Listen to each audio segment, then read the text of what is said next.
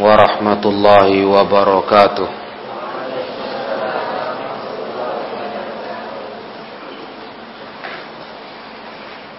إن الحمد لله نحمده ونستعينه ونستغفره ونعوذ بالله من شرور أنفسنا ومن سيئات أعمالنا من يهده الله فلا مضل له ومن يضلل فلا هادي له أشهد أن لا إله إلا الله وحده لا شريك له وأشهد أن محمدا عبده ورسوله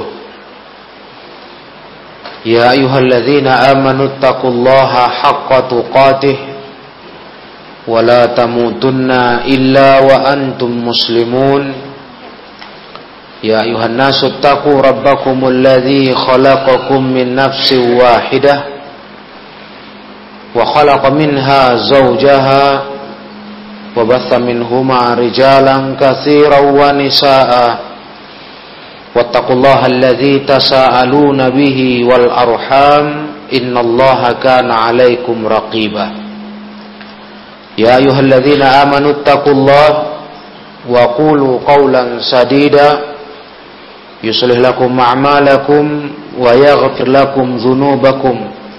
ومن يطع الله ورسوله فقد فاز فوزا عظيما. فإن أصدق الحديث كتاب الله وخير الهدى هدى محمد صلى الله عليه وسلم. وشر الأمور محدثاتها fa inna kulla muhdatsatin bid'ah wa kulla bid'atin dhalalah wa kulla dhalalatin finnar. Amma ba'd. Akhwani fid din kaum muslimin rahimakumullah.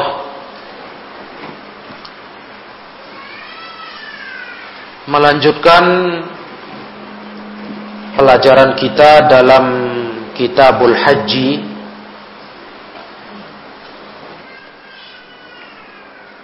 setelah kita menyelesaikan bagaimana sunnah Nabi Sallallahu Alaihi Wasallam ketika berada di Musdalifah.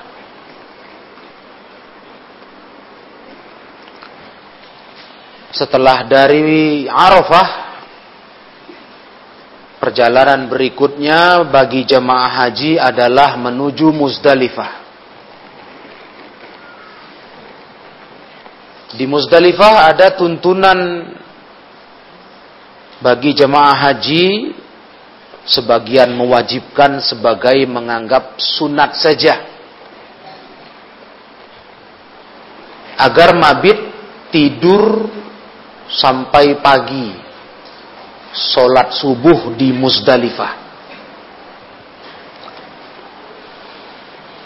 sebagian ulama mengatakan cukup hingga tengah malam lewat tengah malam sudah boleh bergerak ke Mina.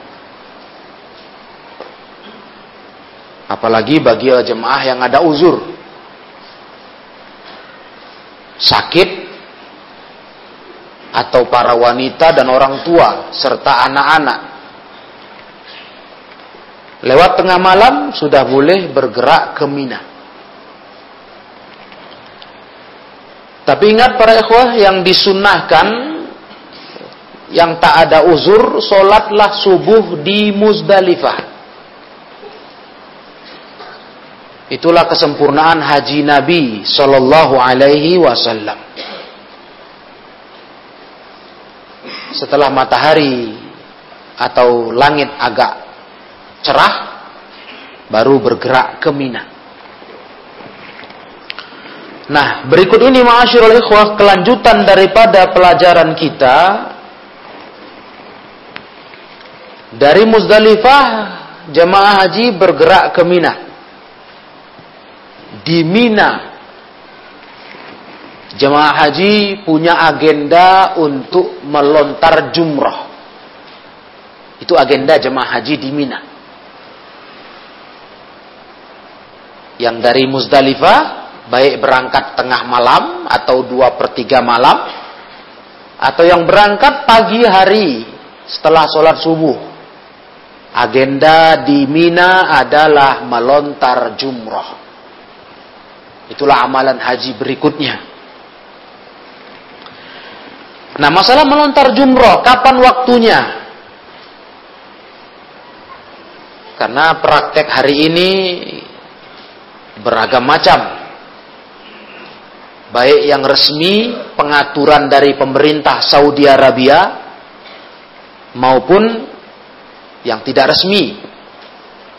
Sebelum ada pengaturan, masing-masing jemaah melontar jumroh.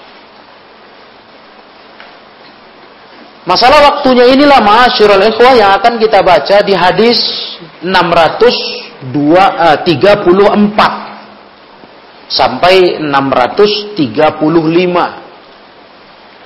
Ada dua hadis yang harus dibaca bersamaan nanti kita akan lihat pemaparan syarahnya. Di hadis yang pertama atau hadis 634 Wa ibni Abbasin radhiyallahu anhuma. Ini dari sahabat Ibnu Abbas. Semoga Allah meridhai keduanya. Beliau berkata, Qala lana Rasulullah sallallahu alaihi wasallam berkata kepada kami Rasulullah sallallahu alaihi wasallam Kata Rasulullah, la tarmul jamrata hatta tatlu asyamsu. Itu kata Rasul, pesan Rasul ke sahabat. Jangan kalian melempar jumrah sampai terbitnya matahari. Berarti dari hadis ini waktu melontar jumroh adalah setelah matahari terbit. Iya. Ya, memang kalau dari ba'dal ba'da subuh para ikhwah, kita bergerak ke Mina, ya setiba di Mina tentu matahari sudah terbit, sudah tinggi. Sudah masuk waktu melontar jumroh. Hadis ini diriwayatkan imam yang lima kecuali Imam Nasai wa fihi Tapi ada catatan di hadis ini ada cacat yaitu keterputusan sanad. Maka ulama berbeda-beda menilai hadis ini. Nah, memang hadis ini banyak jalannya, ya. Tidak hanya satu jalan tentang hadis ini. Syekh Al Albani menceritakan jalan-jalan hadis ini dalam kitabnya Irwaul Ghalil. Jalurnya nggak cuma satu. Banyak jalan untuk hadis ini. Nah. Kemudian hadis yang kedua atau hadis 635. An Aisyah radhiyallahu anha qalat. Dari Aisyah semoga Allah meridhai beliau beliau berkata Arsalan Nabi sallallahu alaihi wasallam bi ummi Salamah Nabi Shallallahu Alaihi Wasallam mengutus Ummu Salamah Lailatan Nahri di malam hari penyembelihan, ya malam tanggal 10 lah itu. Dari Mina, ah, dari Muzdalifah, Nabi suruh berangkat Ummu Salamah ke Mina. Karena besok sudah tanggal 10 kan? Waktu melontar jumroh itu tanggal 10. Faramatil jamrata qabla al-fajri. Nah, lihat ikhwan. Ummu Salamah melontar jumroh sebelum subuh. Bagaimana ini? Maka saya katakan tadi hadis ini dua-dua harus dibaca dulu. Baru kita lihat bagaimana ulama mendudukkan pahamnya. Di hadis pertama dari Ibnu Abbas, pesan Nabi jangan melontar jumroh kalian sebelum terbit matahari. Tapi di hadis kedua, Aisyah Ummul Mukminin cerita, Ummu Salamah melontar jumrohnya sebelum subuh. Lihat, kan cukup jauh bedanya. Sebelum subuh, setelah terbit matahari. Nah, fa'afadat. Kemudian beliau pun lewat terus menuju Mekah. Fa'afadat. Dan masuk kota Mekah. Dari Mina. Habis melontar jumroh, memang begitulah agenda jemaah haji. Kalau mampu. Kalau sanggup. Ya, dari melontar jumroh langsung ke Mekah. Afadat. Berangkat ke Mekah. Untuk tawaf ifadah dan sa'i. Sehingga selesai rangkaian ibadah hajinya. Kalau tidak sanggup, ya sudah, habis melontar jumroh, balik ke tempat penginapan kemah di Mina. Tawaf ifadah nanti ditunda. Nah, ini dua riwayat ma'asyiral ikhwah.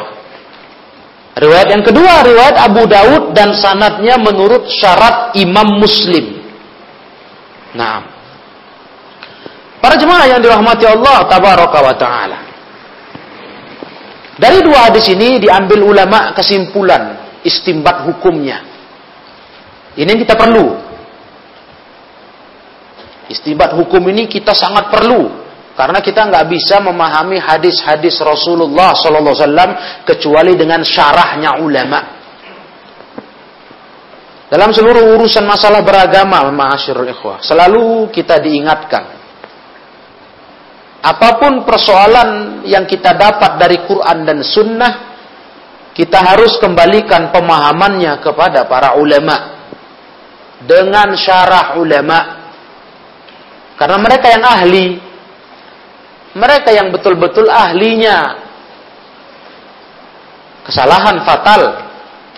Kita membahas sebuah riwayat atau ayat, lantas kita memberi kesimpulan sendiri tanpa ada pegangan rujukan dari ulama. Jangan lupa ini pola beragama dakwah salaf. Dakwah Rasulullah wasallam dan sahabat itu begitu. Waktu Rasul hidup, sahabat tanya Rasul, apa maksudnya ya Rasulullah? Rasul nerangkan maksud ayat, maksud hadis. Meninggal Rasul, generasi berikutnya tabi'in tanya ke sahabat. Karena mereka paling tahu kenapa ayat turun, kenapa hadis disabdakan. Begitu seterusnya. Nah, ini pola dakwah salaf. Tak berani karena tak boleh, tak betul memahami seperti riwayat-riwayat hadis Nabi tanpa merujuk kepada para ulama. Nah, nah dari dua hadis ini diambil kesimpulan Hadis Ibnu Abbas menunjukkan waktu melontar jumroh akobah di hari tanggal 10 Zulhijjah itu itu bolehnya setelah terbit matahari. Jelas sudah kan kalau dari hadis Ibnu Abbas. Sedangkan dari hadis Aisyah menunjukkan boleh melontar jumroh akobah. Tanggal 10 itu namanya jumroh akobah melontar jumroh akobah. Itu boleh sebelum terbit subuh. Nah, jadi masyarakat yang mulia, bagaimana para ulama mendudukkan masalah ini? Yang satu bilang boleh sampai terbit matahari, hadis yang satu. Yang satu mengamalkan dengan izin Nabi melontar sebelum sholat subuh, belum masuk subuh, berarti masih malam. Ini kan dua yang bertentangan, ikhwan. Apakah bertentangan agama kita ajarannya? Tidak. Kita lihat bagaimana pemaparan oleh para ulama dalam mendudukkan dua masalah ini. Hadis Aisyah, kalau kita lihat dari sisi sanad, pertama kita pandang dari sisi sanad. Hadis Aisyah radhiyallahu taala anha tentang cerita melontar sebelum subuh itu lebih sahih dari hadis Ibnu Abbas. Ibnu Abbas tadi ada cacatnya, yaitu ingkita, ada keterputusan sanat. Kalau dari sisi kedudukan kekuatan riwayat. Ya. Kemudian kata para ulama, ketika melihat hadis ini seperti bertentangan, maka kalau mungkin dikumpulkan, kenapa tidak? Ada dua metode dalam memahami hal-hal yang terkesan ber, berlaga maksud riwayat itu. Kesannya begitu. Yang pertama, Torikoh al-jam'i. Harus diusahakan jalan mengumpulkan. Torikotul jam'i. Dikompromikan. Itu langkah pertama. Yang harus dilakukan. Dan ini kerja ulama. Tapi kalau tak memungkinkan dikumpulkan, memang nggak mungkin ulama pandang. Ini harus satu dikalahkan. Digunakanlah metode kedua. Namanya torikotu tarjih. Dan itu pun kerja ulama, para ikhwah. Kerjanya para ulama. Nah, oleh karena itu, karena kita tadi sudah mau kembali kepada syarah ulama, kita dapati ulama memutuskan di sini kasusnya mungkin sekali dikumpulkan dua riwayat yang kesannya bertentangan. Ada jalan mengumpulkannya, nggak usah dibenturkan. Jangan dicari mana lebih kuat, nggak usah. Tapi dikumpulkan. Apa caranya? Caranya yuhmal hadis Ibnu Abbas ala nadabi Hadis Ibnu Abbas yang mengatakan jangan melontar jumroh kecuali terbit matahari itu dibawakan kepada aturan sunnahnya begitu. Itu sunat hukumnya. Itu yang paling utama. Setelah matahari terbit, itu yang sunnahnya. Nah ini hadis Ibnu Abbas. Berarti bukan itu batasan waktunya bukan. Hanya itu yang sunnah. Kenapa demikian? Karena ada praktek dari hadis Aisyah tadi di kasus Ummu Salamah ternyata melontar jumroh sebelum subuh. Kalau andai kata itu batasannya waktu yang harus wajib, perbuatan kedua salah, kan begitu? Toh Nabi mendiamkan. Nah, itu makanya yang tadi dibawakan kepada sunnahnya begitu. Itu sunat hukumnya. Dan itu yang utama. Kalau bisa itulah waktunya. Sedangkan hadis Aisyah itu dibawakan kepada al-jawas, boleh saja. Boleh saja, ma'asyirul ikhwah. Hukumnya boleh, tapi bukan yang paling utama. Kan selesai. Apalagi kaum muslimin yang mulia, kondisi sekarang ini kata ulama, allati tadakhamat fihi adadul hujjaj. Oh, penting kali itu hadis Aisyah melontar jumrah sebelum subuh. Karena apa sekarang jumlah jemaah haji begitu banyak membengkak luar biasa di kondisi-kondisi normal sebelum wabah yang melanda sekarang luar biasa jemaah haji padat para ikhwah sungguh luar biasa maka di sini ada as al masyaqqah al azimah ada kesulitan yang besar kalau semua harus waktunya setelah terbit matahari, wah gawat nanti. Bisa nanti terjadinya berbagai insiden. Karena raminya masyarakat manusia datang menjadi tamu Allah. Maka diatur oleh pemerintah. Saudi Arabia mengatur. Ada sesi-sesi melontar jumroh. Supaya nggak numpuk. nggak terjadi insiden-insiden yang menyedihkan seperti yang lalu-lalu. Nah, maka sekarang Masya Allah adalah merupakan rahmat dari Allah Ta'ala dan kemudahan dari hadis Aisyah bagi jemaah yang memang bergerak tengah malam atau dua per tiga malam lebih bergerak ke Mekah, ah, ke Mina, ya sudah langsung saja lontar jumroh sebelum subuh, tidak apa-apa. Nggak menyalahi itu, nggak. Ada riwayatnya.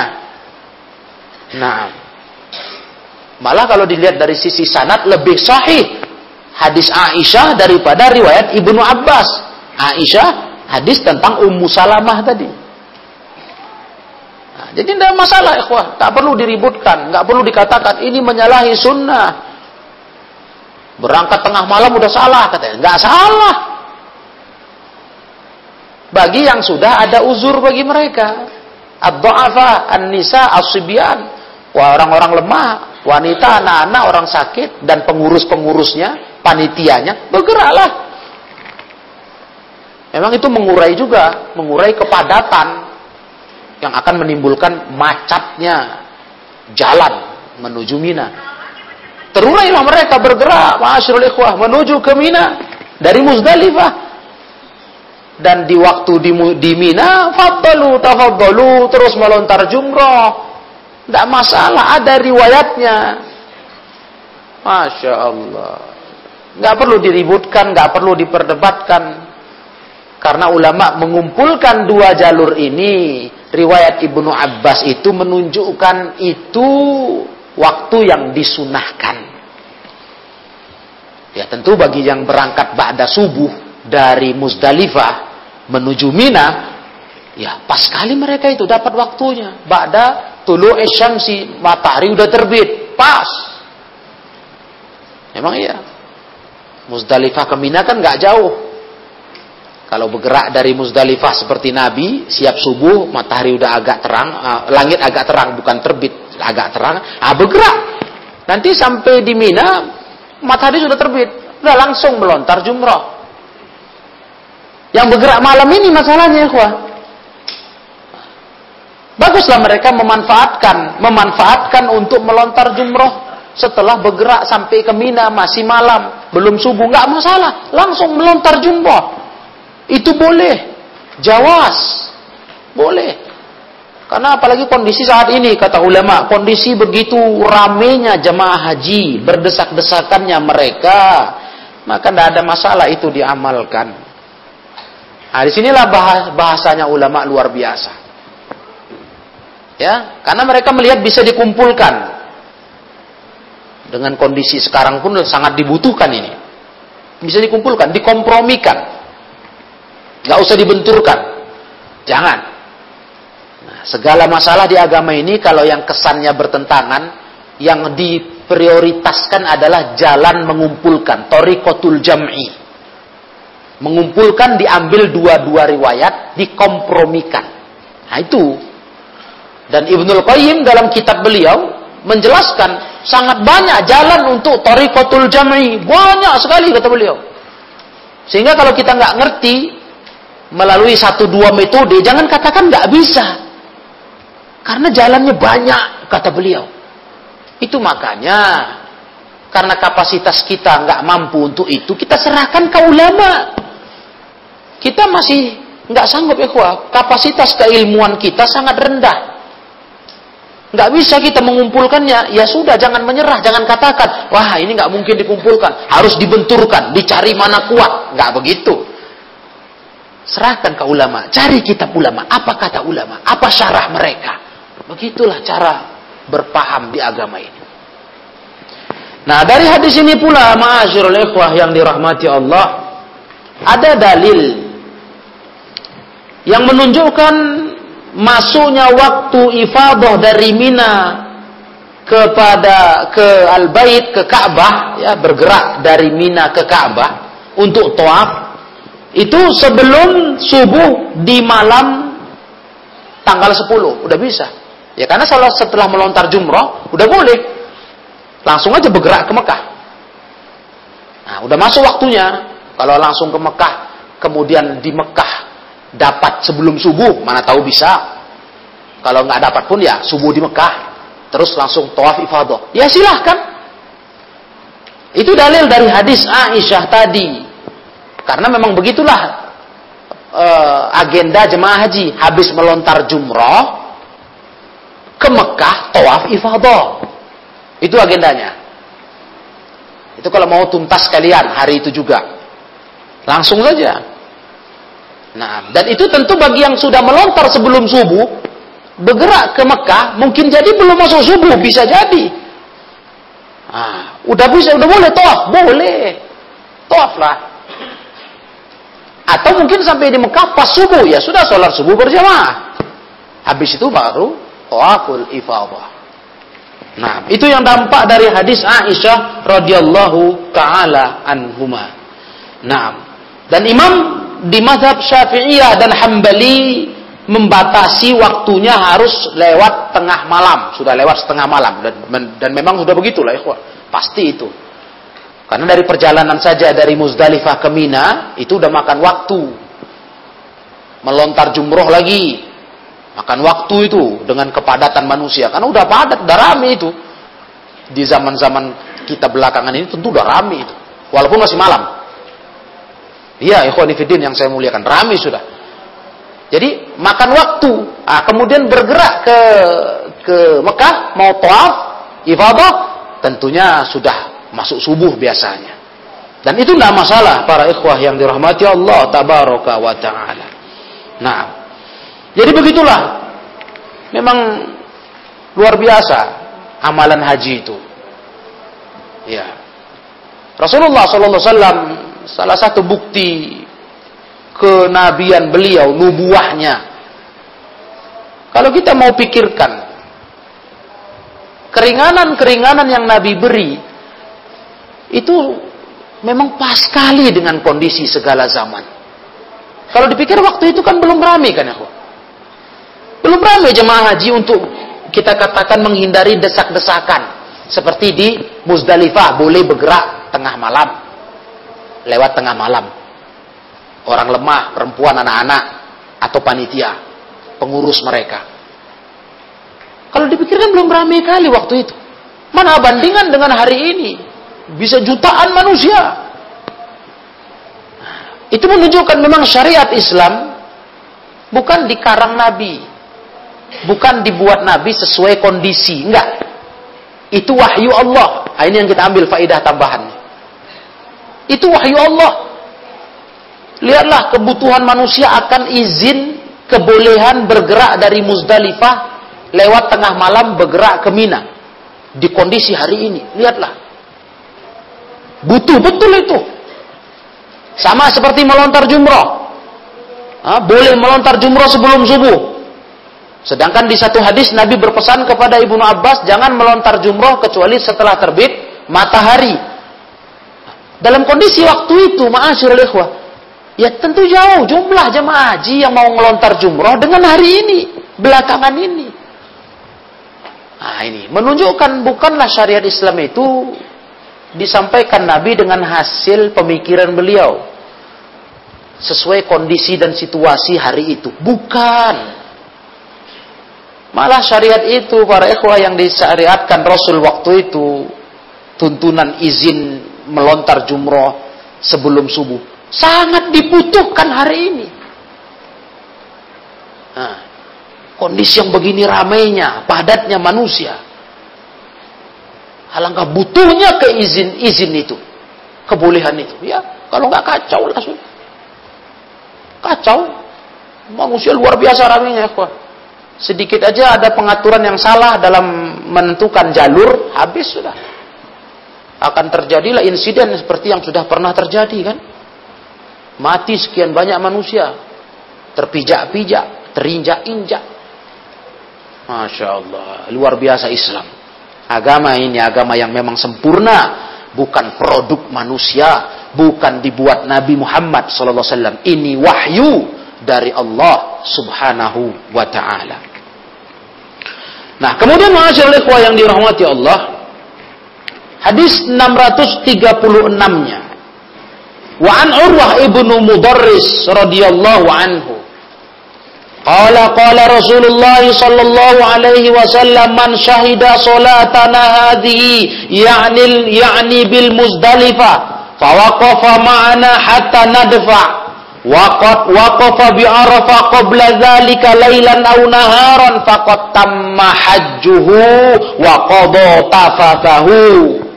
Rawahul khamsah wa sahahahu At-Tirmidzi wa Ibnu Khuzaimah. Di hadis berikutnya dari Urwah ibnu Mudarris, semoga Allah meridainya.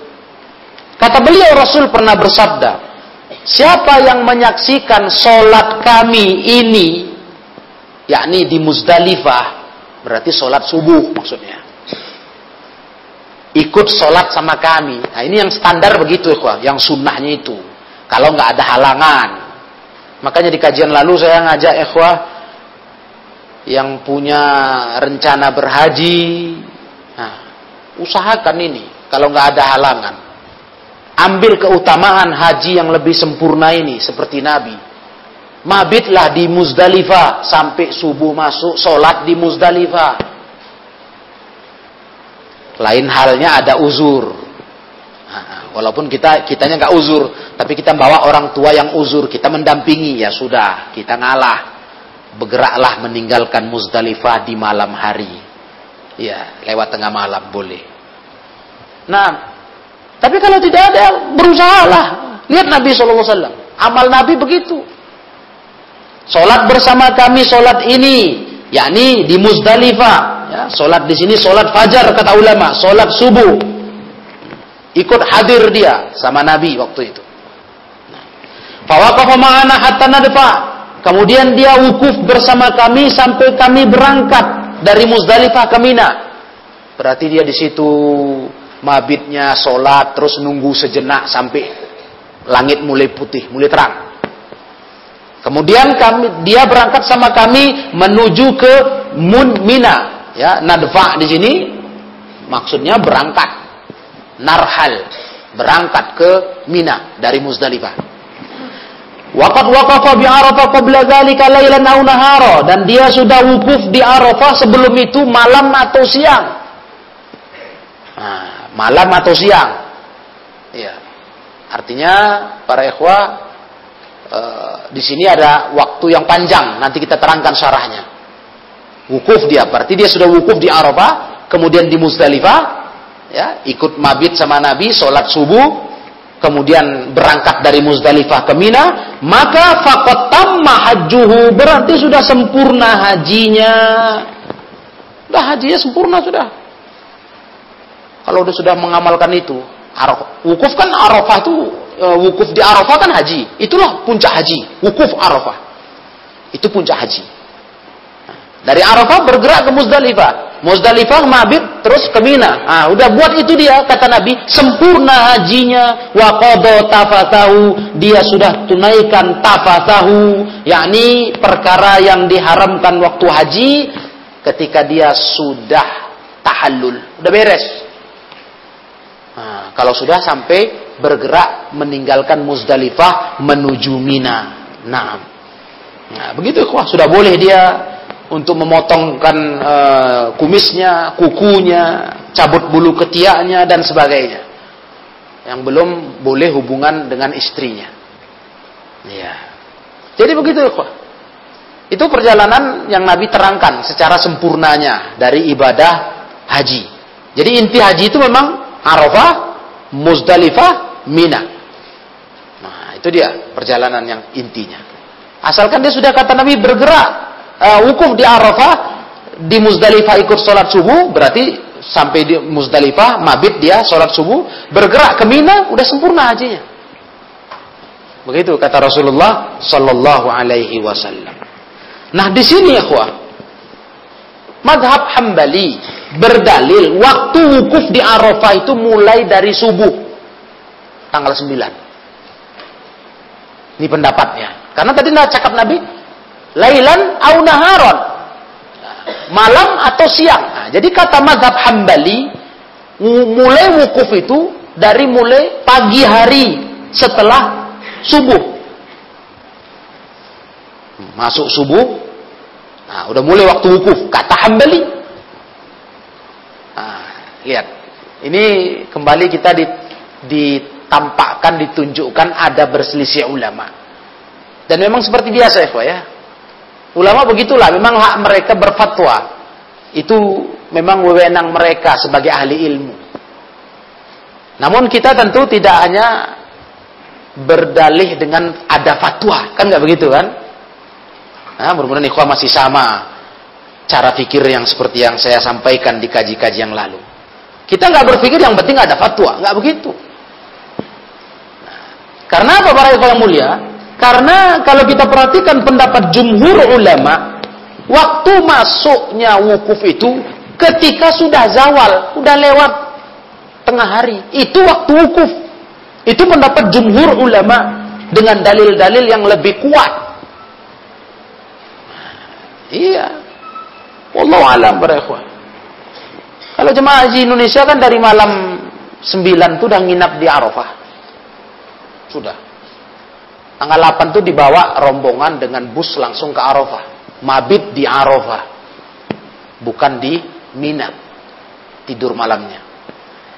Nah, ketika tidur di Arafah, masuk subuh, kalau menurut Hambali, udah wukuf, udah waktu wukuf. Nah, kalau ada jemaah haji Indonesia meyakini itu, saya rasa agak unik juga. Kenapa? Itu madhab Hambali. Madhab Hambali. Sedangkan Indonesia cenderungnya mengaku Syafi'i. Nah, unik kan? Padahal pendapat jumhur ulama, mayoritas ulama, waktu wukuf itu setelah zawal. Ya, udah masuk tengah hari lewat, nah itulah waktu wukuf. Sampai tenggelam matahari.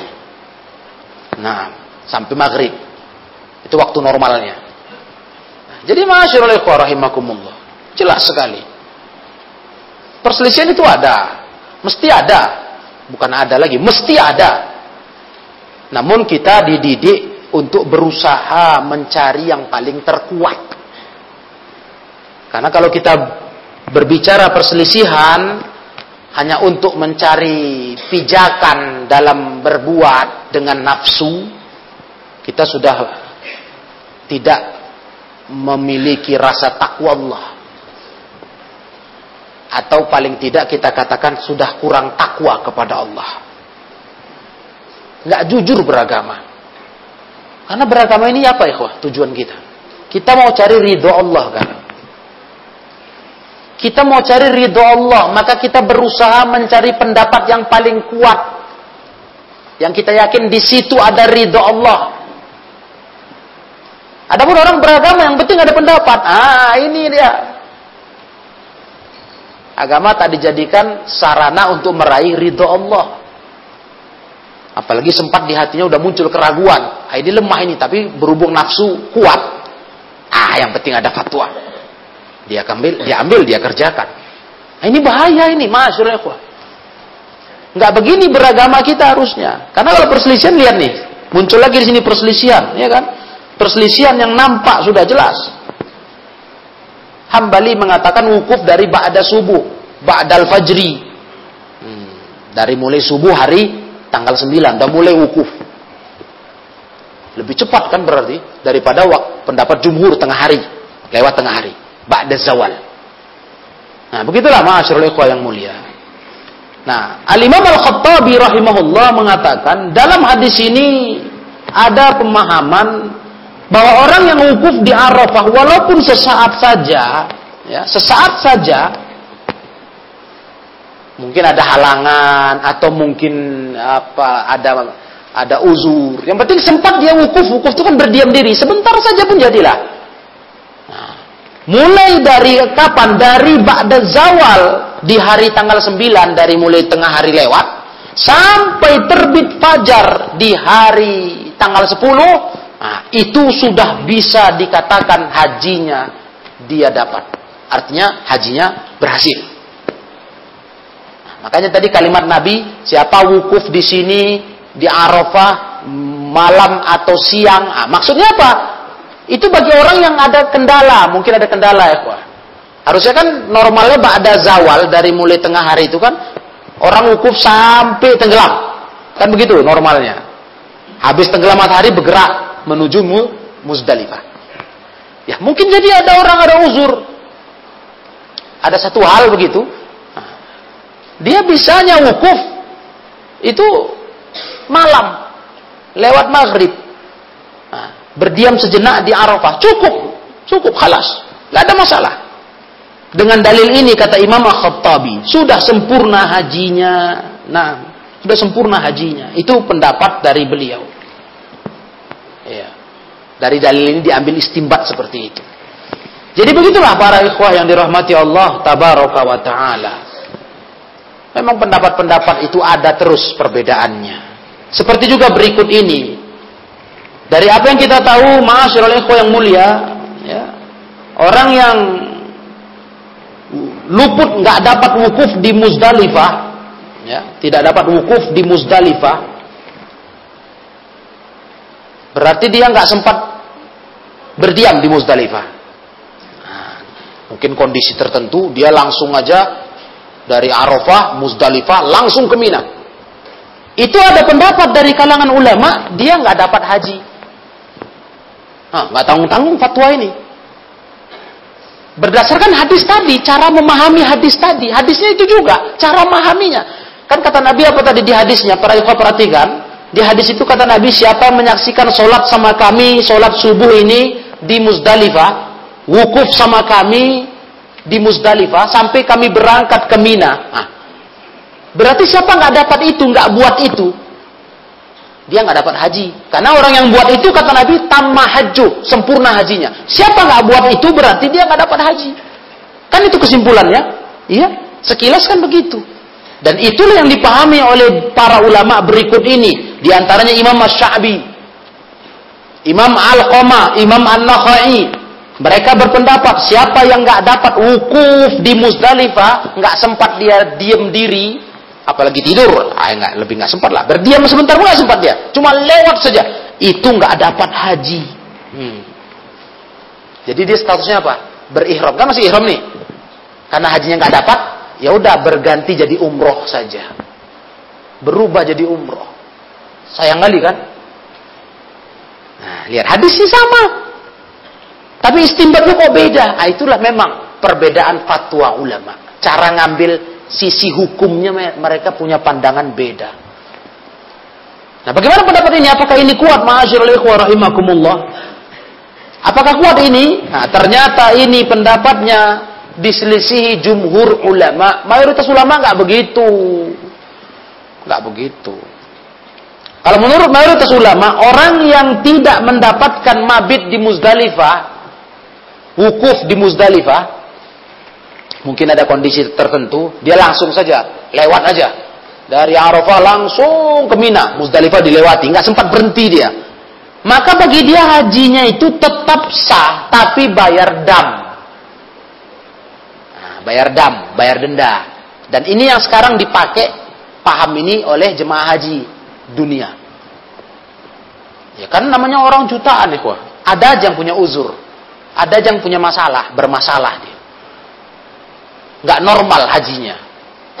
Nah, sehingga dia langsung dari Arafah langsung ke Mina, Muzdalifah lewat. Nah, ini bayar dam. Hajinya nggak rusak, tetap haji dia, tapi bayar dam. Itu kata jumhur ulama. Dan ini yang diamalkan sampai hari ini oleh kaum muslimin. Ya, ini dia. Nah, adapun pendapat tadi Imam Syabi, Imam Al-Qama, Imam Nakhai dan yang selain mereka yang mengatakan hajinya gugur ganti, jadi umroh. Nah, ini pendapat yang tidak kuat. Nah, coba aku bayangkan. Kalau andai kata memang dalam beragama ini diambil sesuka hati kita, kan kacau. Nah, kacau kan? Bisa ditunggangi sesuai kemauan. Ketika seseorang yang mampu mengamalkan ibadah haji normal, kemudian dia dapati ada orang yang mungkin punya masalah dengan dia, tahu-tahu orang ini bermasalah dalam haji, dia nggak nggak nggak singgah di Musdalifah, nggak ukuf, apalagi mabit, nah, langsung lewat aja ke Mina, bisa aja dia serang. Dengan pendapat Imam Syabi, Al-Qamah dan An-Nakhai, ah, haji kau tak sah, haji kau gugur katanya. Ya. Padahal pendapat ini pendapat yang tidak kuat. Nah, jadi begitulah bahayanya para jemaah. Saya nggak nggak pernah bosan mengingatkan diri saya dan ikhwah untuk hati-hati dalam memandang fatwa-fatwa ulama. Hati-hati, jangan diambil saja karena cocok selera. Karena kebetulan pas nafsu, nggak boleh. Nah, ulamanya berpahala ya, saya ulangi lagi ini. Ulamanya berpahala dalam berfatwa karena mereka ahlinya. Memang bidangnya untuk itu.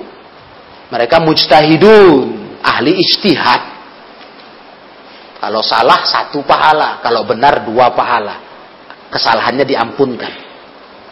Lah kita yang tidak menjadi tidak orang-orang yang berstatus seperti mereka, bukan mujtahidun, ikut-ikut mereka nggak bisa dapat yang sama. Kita ikut yang mereka berfatwa salah, beristimbat salah. Ya kita dosa, mereka pahala, kita dosa.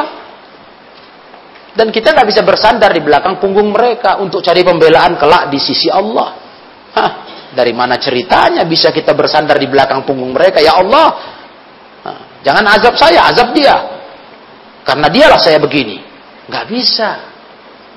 Yang ada di sana nanti berlepas diri. Iztabarra alladzina tubi'u minal ladzina taba'u wa ra'awul azab wa bihimul asbab.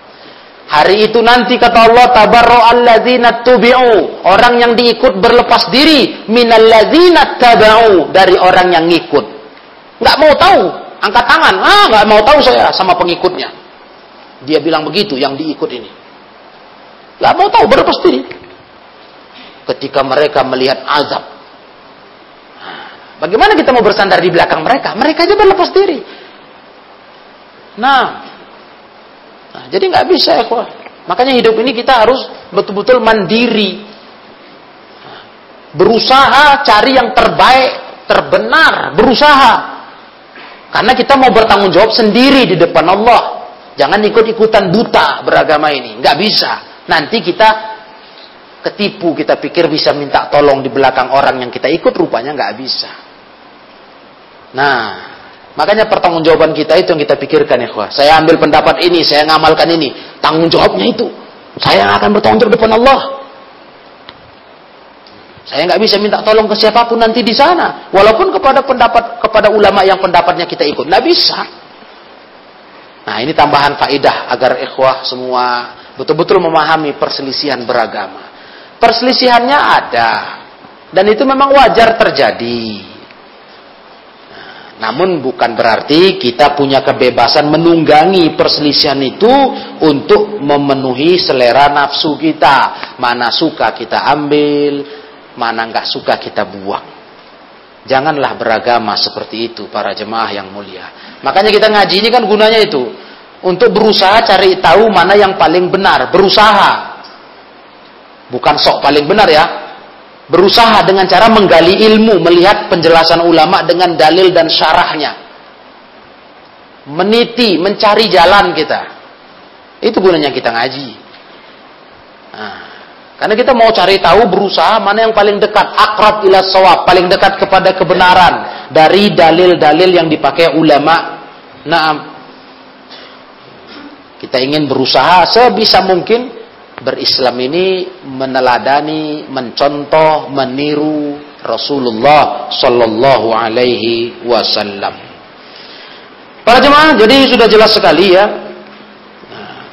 Dan di sini termasuk kesempurnaan manasik haji, kata ulama, ikut sholat subuh di Muzdalifah sama imam. Ya, imam. Memang kalau memungkinkan begitulah kalau nggak mungkin dan fakta fakta di lapangan cenderung sulit itu. Ya, untuk bisa berjamaah bersama dengan imam pemimpin rombongan kita. Sulit. Kayak paling kita berjamaah dengan ya di mana ada jemaah gabung gitu aja lah. Gabung. Cari jemaah karena waktu masuk subuh tuh semua pada sholat berjamaah. Ya mana kita kita gabung-gabung lah. Nah, itu yang kita usahakan. Kalau dikatakan disyariatkan sholat berjamaah bersama imam, yakni pemimpin safar haji, repot. Ya, karena sudah pencar-pencar ini, rombongan-rombongan pencar. Ada yang sebagian tengah malam bergerak ke Muzdalifah, ya. Kemudian rombongan uh, hajinya pun, uh, jemaahnya pun sudah banyak pisah-pisah untuk menyatukan ikut sama imam pemimpin rombongan sulit. Yang ada, ya sudah. Di mana ada jamaah sholat, kita gabung. Sholat subuh di Muzdalifah. Nah, ini termasuk kesempurnaan ibadah haji yang harus diusahakan. Sepanjang nggak ada uzur. Ingat catatan itu. Kita nggak paksa diri kalau itu menimbulkan motorot. Sepanjang nggak ada uzur, kita punya agenda. Tekadkan ini berhasil dijalankan. Kenapa tidak? Amalan yang bisa dikatakan sekali seumur hidup lah. Yang positif kan itu, yang kita udah jalani berangkat sekali seumur hidup. Yang kedua, ketiga, entah bisa entah enggak. Wallahu alam. Kalaupun ada rezeki. Yang pasti sekali seumur hidup yang kita sekarang jalani haji inilah kita berusaha maksimalkan meniru Nabi SAW. Maka saya ajak ikhwah dari mulai kajian yang lalu di hadis sebelumnya, mulai tanggal 8 tuh ayo kita bergerak ke Mina, Nabi begitu, hari tarwiyah, tidur di Mina. Walaupun kita nggak seperti Nabi mempersiapkan bekal air minum, karena waktu Nabi dulu mempersiapkan itu. Tidak masalah kita mengamalkan kayak Nabi. Sholat subuhnya di Mina hari tanggal 8. Di Mina, bukan di Arafah. Nah, kalau jemaah haji Indonesia di Arafah, karena udah nginap malam di sana. Jadi di Mina, setelah subuh matahari agak terang baru bergerak bergerak ke Arafah melewati Musdalifah, Arafah. Begitu ikhwah. Nah, puas hati kita bisa mengamalkan seperti itu. Ya, namun sekali lagi, kalau tidak ada uzur ya, nah, karena Allah suka diambil uzurnya kalau memang kita ada uzur. Ya, atur-atur diri lah ikhwah sebelum keberangkatan itu atur di set, kita set lagi agenda jalan kita dengan mohon sama Allah, ya Allah mudahkan saya berhaji dengan sempurna seperti haji Nabi sallallahu alaihi wasallam. Ikhwan yang mulia.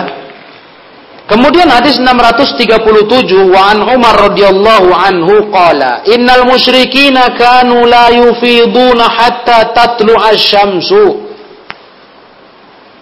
dari Umar radhiyallahu anhu dia berkata, sesungguhnya orang musyrikin itu mereka tidak mau bergerak, tidak mau bergerak, ya meninggalkan Musdalifah karena mereka juga haji ya. Nah, sampai terbit matahari. Kalau mereka sampai terbit matahari, udah, wah udah terang lah, udah terbit matahari. Hmm. Wayakulun asyrik tabir mereka berkata begitu, itu istilah mereka. Asyrik sabir. Artinya apa? Gunung Sabir, Sabir itu ada gunung, itu sudah terang, asyrik, sudah naik matahari. Itu istilah mereka, asyrik sabir. Baru mereka bergerak, meninggalkan Muzdalifah. Nah, wa Rasulullah wa inna Nabi sallallahu alaihi khalafahum. Kalau Nabi menyelisih mereka, Nabi mana mau serupa dengan musyrikin. Ini sifat Nabi yang sangat harus diteladani umat Islam. Karena dengan inilah mulia Islam itu muncul. Gak mau nyerupai orang kafir. Walaupun dalam perkara-perkara yang kesannya biasa saja. Gak masalah kali. Gak mau. Nah, seperti kemarin kan. Tadi, tadi Kamis. Kan tanggal 10 Muharram kan. Ada puasa Ashura ya. Rasulullah SAW ketika dikasih tahu puasa Ashura tanggal 10 ini, ternyata juga puasa orang ahlul kitab. Nabi terus berkata, kalau ada tahun depan masih jumpa Ashura, aku akan puasa tanggal 9. Demi tampil beda. Makanya unik kali ya, unik kali kalau umat Islam sekarang malah itu digembar-gemborkan, dihasung-hasung untuk ayo tiru orang kafir. Loh.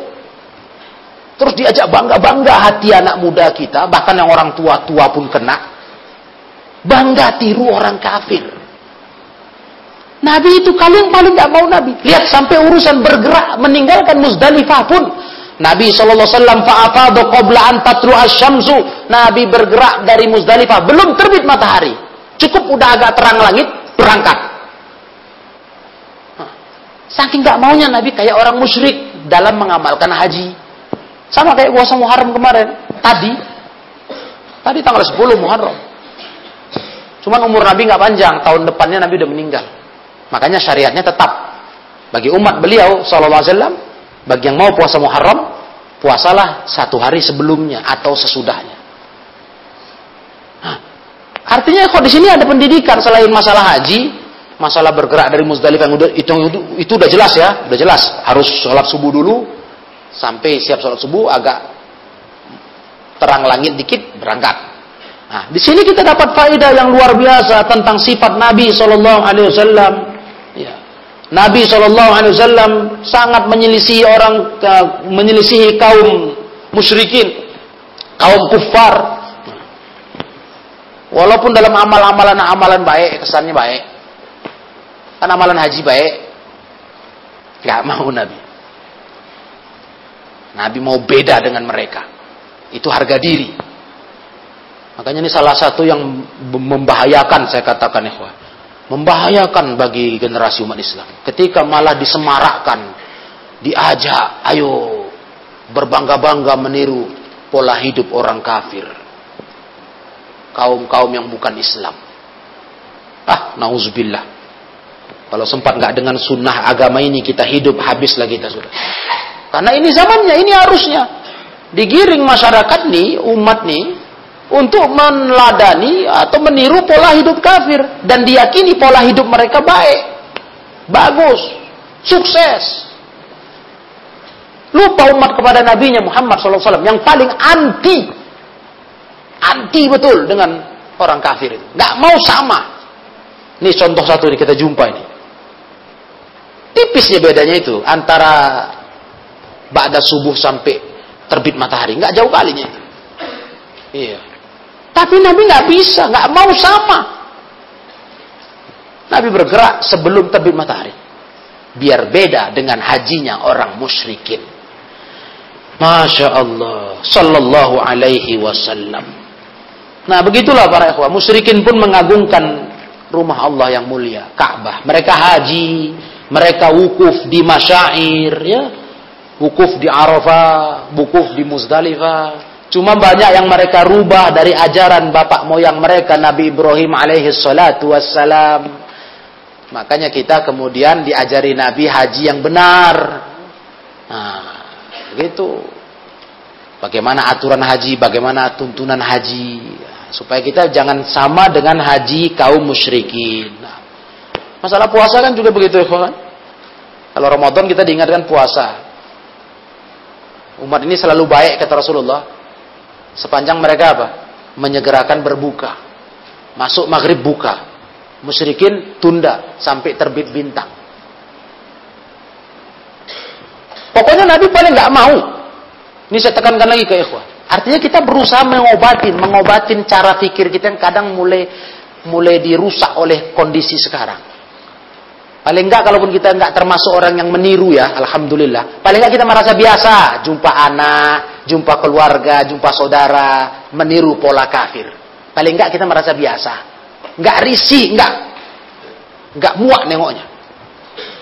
Mungkin kita enggak, mungkin alhamdulillah. Ini kan bahaya ini. Ini izah kaum muslimin tuh di situ. Punya karakteristik sendiri itu yang Nabi inginkan di umat ini. Kita orang mulia, nggak pantas kita meniru mereka. Nah, umat Islam ini adalah tentara Allah. Hizbullah. Ala inna hizballahumul muflihun. Jadi kok meniru kufar, orang yang dimurkai Allah, orang sesat, al-maghdub alaihim wabdalim. Maka jadi jauhi, kok jauhi betul-betul. Mengagumi orang kufar, itu menyeret kita untuk apa? menyeret kita untuk meniru. Kalau jadi idola, udahlah. Apa susahnya meniru namanya udah menjadi idola. Berarti kan secara tidak langsung di hati kita dia di atas kita kelasnya. Idola. Mana ada orang kelas tinggi mengidolakan orang bawahan. Itu bahayanya. Itu yang mungkin nggak disadari oleh banyak masyarakat Islam. Ketika mereka menonton tontonan-tontonan tentang orang-orang kafir dalam berbagai acara, siaran-siaran itu. Di sana muncul kekaguman, pengidolaan. Nah, itu nanti ujungnya udah bisa diseret untuk meniru. Mulailah menirulah gaya bicara, gaya cakap, gaya baju, gaya hidup. Ah, selesai. Hmm. Hati-hatilah ikhwan. Mungkin diawali dari gaya hidup lah, gaya-gaya harian. Lama-lama masalah beragama lagi. Nah, masalah yang menyangkut hukum Islam. Nah, ini coba sadarilah umat Islam, sadarilah. Jangan pernah kita putus asa, udah gini zamannya, sudah bagaimana lagi. Jangan. Nggak bisa begitu. Nah, jangan menyerah. Paling tidak yang kata Nabi SAW yang Allah perintahkan, mulai dari diri kita. Ibda bidafsik. Mulai diri kita.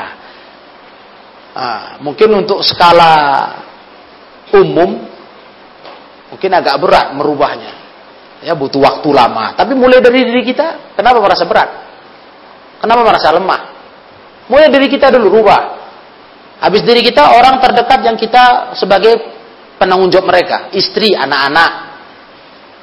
Begitulah. Atau orang yang bisa kita ajak bicara dekat, teman-teman, kawan. Adalah usaha, jangan berpaku tangan menyerah. Sudahlah pasrahlah, ini udah zamannya begini, udah udah zamannya gila ini gitu. Gak begitu orang muslim kok. Gak optimis kepada Allah. Ini ajakan saya bersama kepada ikhwah. Ya, supaya kita sama-sama betul-betul bisa selamat di era zaman yang terus menuju kepada kehancuran moral, kehancuran paham-paham beragama. Begitulah ma'asyiral ikhwah yang dirahmati Allah tabaraka wa taala. Intinya seperti tadi, Nabi SAW berusaha menjauhi meniru mereka, alibtiat an musyabahatihim, berusaha menjauhi uh, menyerupai kaum kufar ya, berusaha itu. Itu Nabi dalam berbagai masalah hidup Nabi berusaha beda dari mereka. Nah, demikian selesai sudah rangkaian hadis-hadis dalam bab sifat haji dan masuk Mekah. Sampai hari tanggal hari 10 10 Zulhijjah nah, sudah ada kita baca hadis tentang nah, bagaimana waktu melontar jumroh. Nah, adapun masalah melontar jumrohnya seperti apa, kita akan masuk nanti insya Allah pada pelajaran akan datang pasal tentang romyul jimar. Nah, masalah metodenya, caranya, itu kita baca di pelajaran yang berikutnya atau tepatnya kita masuk hadis 638 insya Allah. Rincian tata cara melontar jumroh. Kalau waktu udah jelas tadi ya, waktunya boleh sebelum subuh, boleh Hukumnya boleh jawas, tapi waktu yang paling utama setelah terbit matahari. Metode praktek pengamalan melontar jumroh kita akan masuk dalam pasal berikutnya di kajian yang akan datang insya Allah taala. Nah, demikianlah kaum muslimin. Nah, pelajaran ini saya cukupkan sampai di sini. Wallahu a'lam bissawab. Wa akhiru da'wana Anilhamdulillahi Rabbil Alamin.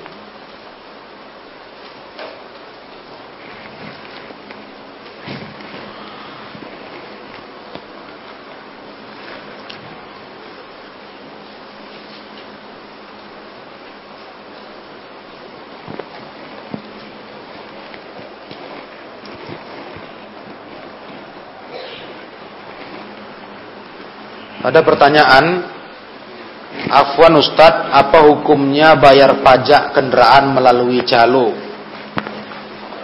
Alasannya biar gampang cepat atau alasan lain? Masalah pajak kendaraan ya kuah. Kalau ikhwah tanya tentang hukum menggunakan jasa calo. Maka dalam peraturannya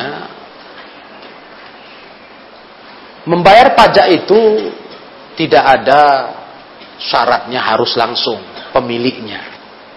Tidak ada. Hmm. Yang intinya pajak dibayar. Karena buktinya kalau dia kita gunakan calo disediakan oleh pihak pemerintah surat kuasa, ya kan? Buat surat kuasa, isi surat kuasa. Kalau kita ngurusnya e, langsung bayar ke kantor tapi bukan pemilik. Ada surat kuasa. Artinya sebenarnya bukanlah melanggar peraturan. Jadi kalau ikhwatannya masalah pakai calo bayar pajak, ya boleh saja. Cuman namanya menggunakan jasa tenaga orang tentu harga beda. Adalah ongkos calonya. Nah, seperti biro jasa untuk pengurusan pajak kendaraan. Ya boleh. Boleh saja. Dulu ada kita pernah ada orang yang kerjanya itu tanya, boleh silahkan. Jadi dia tawar-tawarkan siapa yang mau diuruskan e, pajaknya oleh dia nah, dengan biaya sekian, boleh. Nah, jadi itu bukan menyalahi peraturan atau misalnya ada yang berpikir, oh itu berarti kita melakukan sistem riswah, sogok. Nah, jauh itu. Enggak ke situ babnya, jauh kali. Nah, karena ternyata mewakilkan membayar pajak itu dalam hukum pun sah, maka ada surat kuasa. Nah, resmi. Ya. Kelas, jadi ikhwah ini dibolehkan.